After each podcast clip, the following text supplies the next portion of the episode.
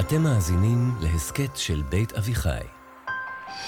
תפתח לרווחה את שערי המולדת לכל יהודי. שהניצחון איתנו. כן, כנראה מהפך. הדמוקרטיה הישראלית ניצחה. כמו לוויתן שאיבד את חוש הכיוון. בעד חיסול הטרור. אלימות היא כרסום יסוד הדמוקרטיה.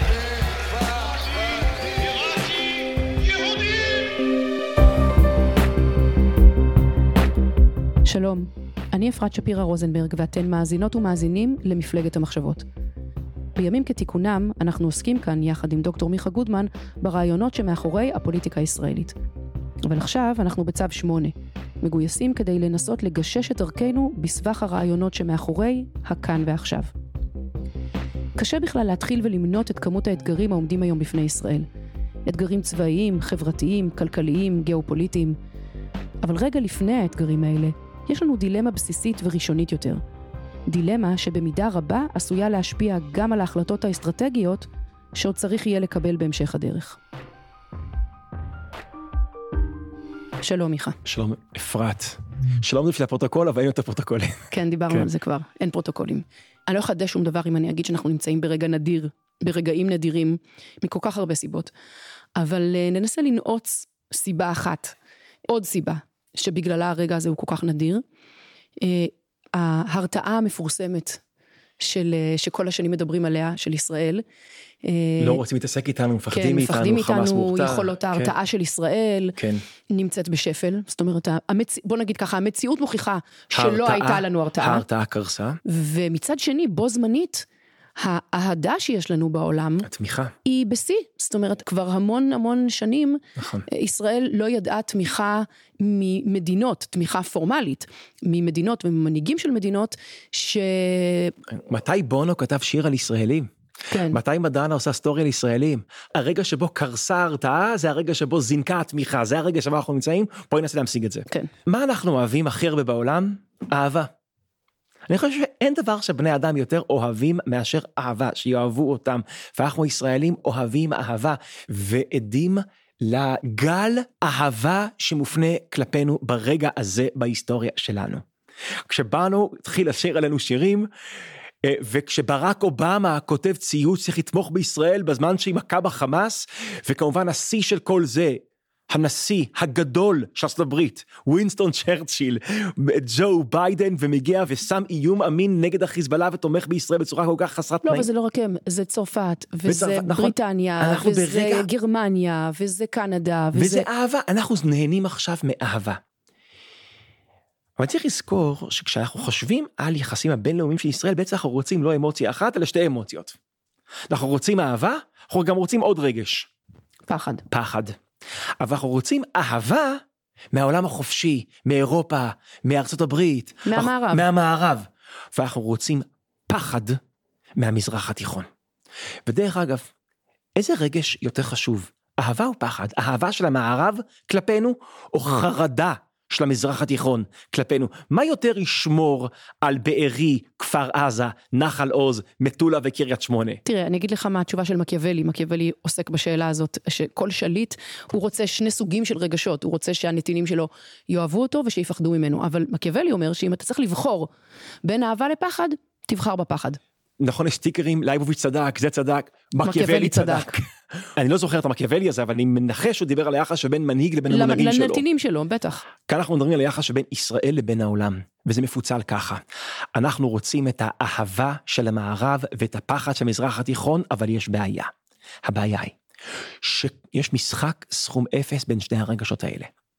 כל מה שישראל צריכה לעשות כדי לשקם את הפחד ממנה, כי מה זה קריסת ההרתעה שדיברנו עליה? שלא מפחדים מאיתנו. יודעת מה ישראלי? נכון יש אנשים בלי, אה, בלי אוריינטציה חברתית? בלי מודעות עצמית, בלי מודעות. עצמית. כן, כאלה שחושבים שהם מצחיקים, כשכולם יודעים שלא מצחיקים. והם חושבים שהם פתטיים. כן, יש כאלה שחושבים שהם חכמים וכולם מסתכלים, היי, הם לא כאלה חכמים. יש כאלה שחושבים שהם יפים, יש כאילו, יש אנשים בלי אוריינטציה חברתית. אולי זה נכון גם, גם ככה ברמה הלאומית. אנחנו חשבנו שאנחנו מפחידים.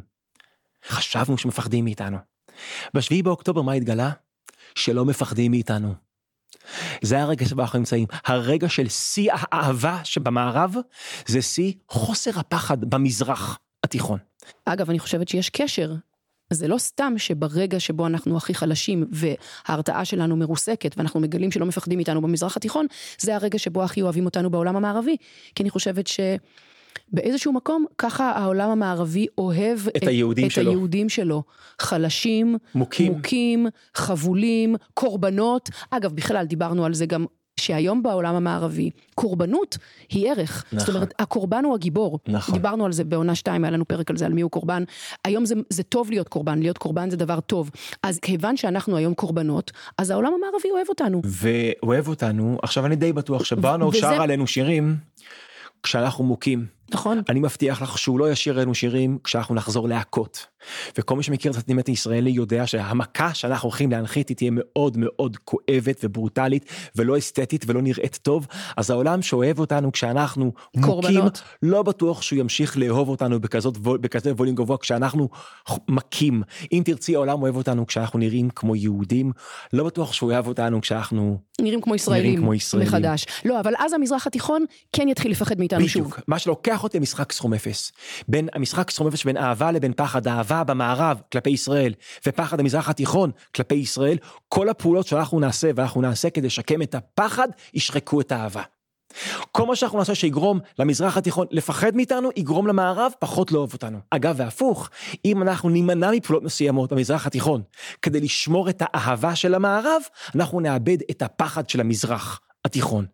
ולכן ישראל היום בתוך המשחק סכום אפס הזה, ונדמה לי שיש הכרעה ישראלית, אמ, מקיאווליסטית. להעדיף פחד על אהבה. את הפחד של המזרח התיכון על חשבון האהבה של המערב כלפינו. אבל האמת היא שזה הרבה יותר מורכב מזה. יש פה מלכוד, בגלל שלא מדובר בהאם בונו יכתוב עלינו שירים או לא. אנחנו לא רק מדברים על כזאת אהבה. האהבה שאנחנו רוצים לקבל היא לא רק מדונה ובונו ו- וסטטוסים של אה, סלברטאים, אלא אהבה שמתורגמת ל- למדיניות. למשהו הרבה יותר משמעותי נכון, מזה. מה שלוקח אותנו לג'ו ביידן. ג'ו ביידן ברגע שהוא לא רק שם שתי נושאות מטוסים שאחת מהם זה ג'רלד פורד זה, זה, זה הכלי הצבאי הכי עוצמתי והכי אכזרי והכי אפקטיבי שיש לצבא האמריקאי אם, אם אני צודק אם אני לא טועה. הוא גם גיבה את זה באיום אמין כלפי איראן וכלפי החיזבאללה שהתבטא במילה אחת של הנשיא ביידן. don't.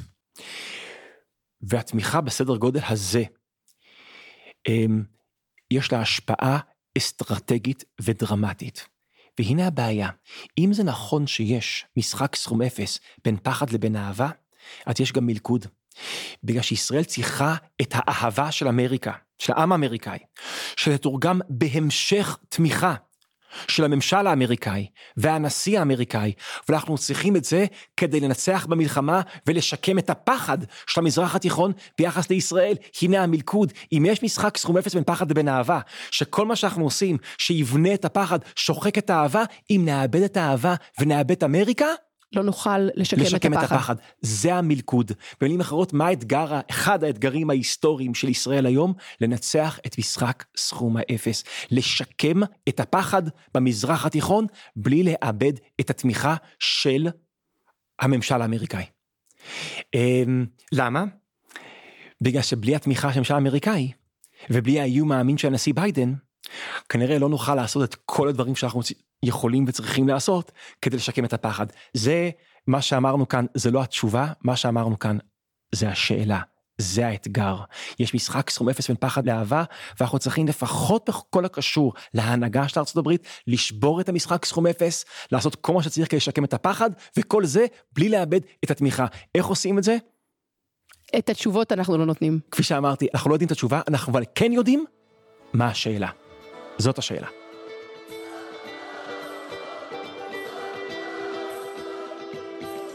Early morning, October 7th, as the sun is rising in the desert sky. Stars of David, they took your life, but they could not take your pride. Could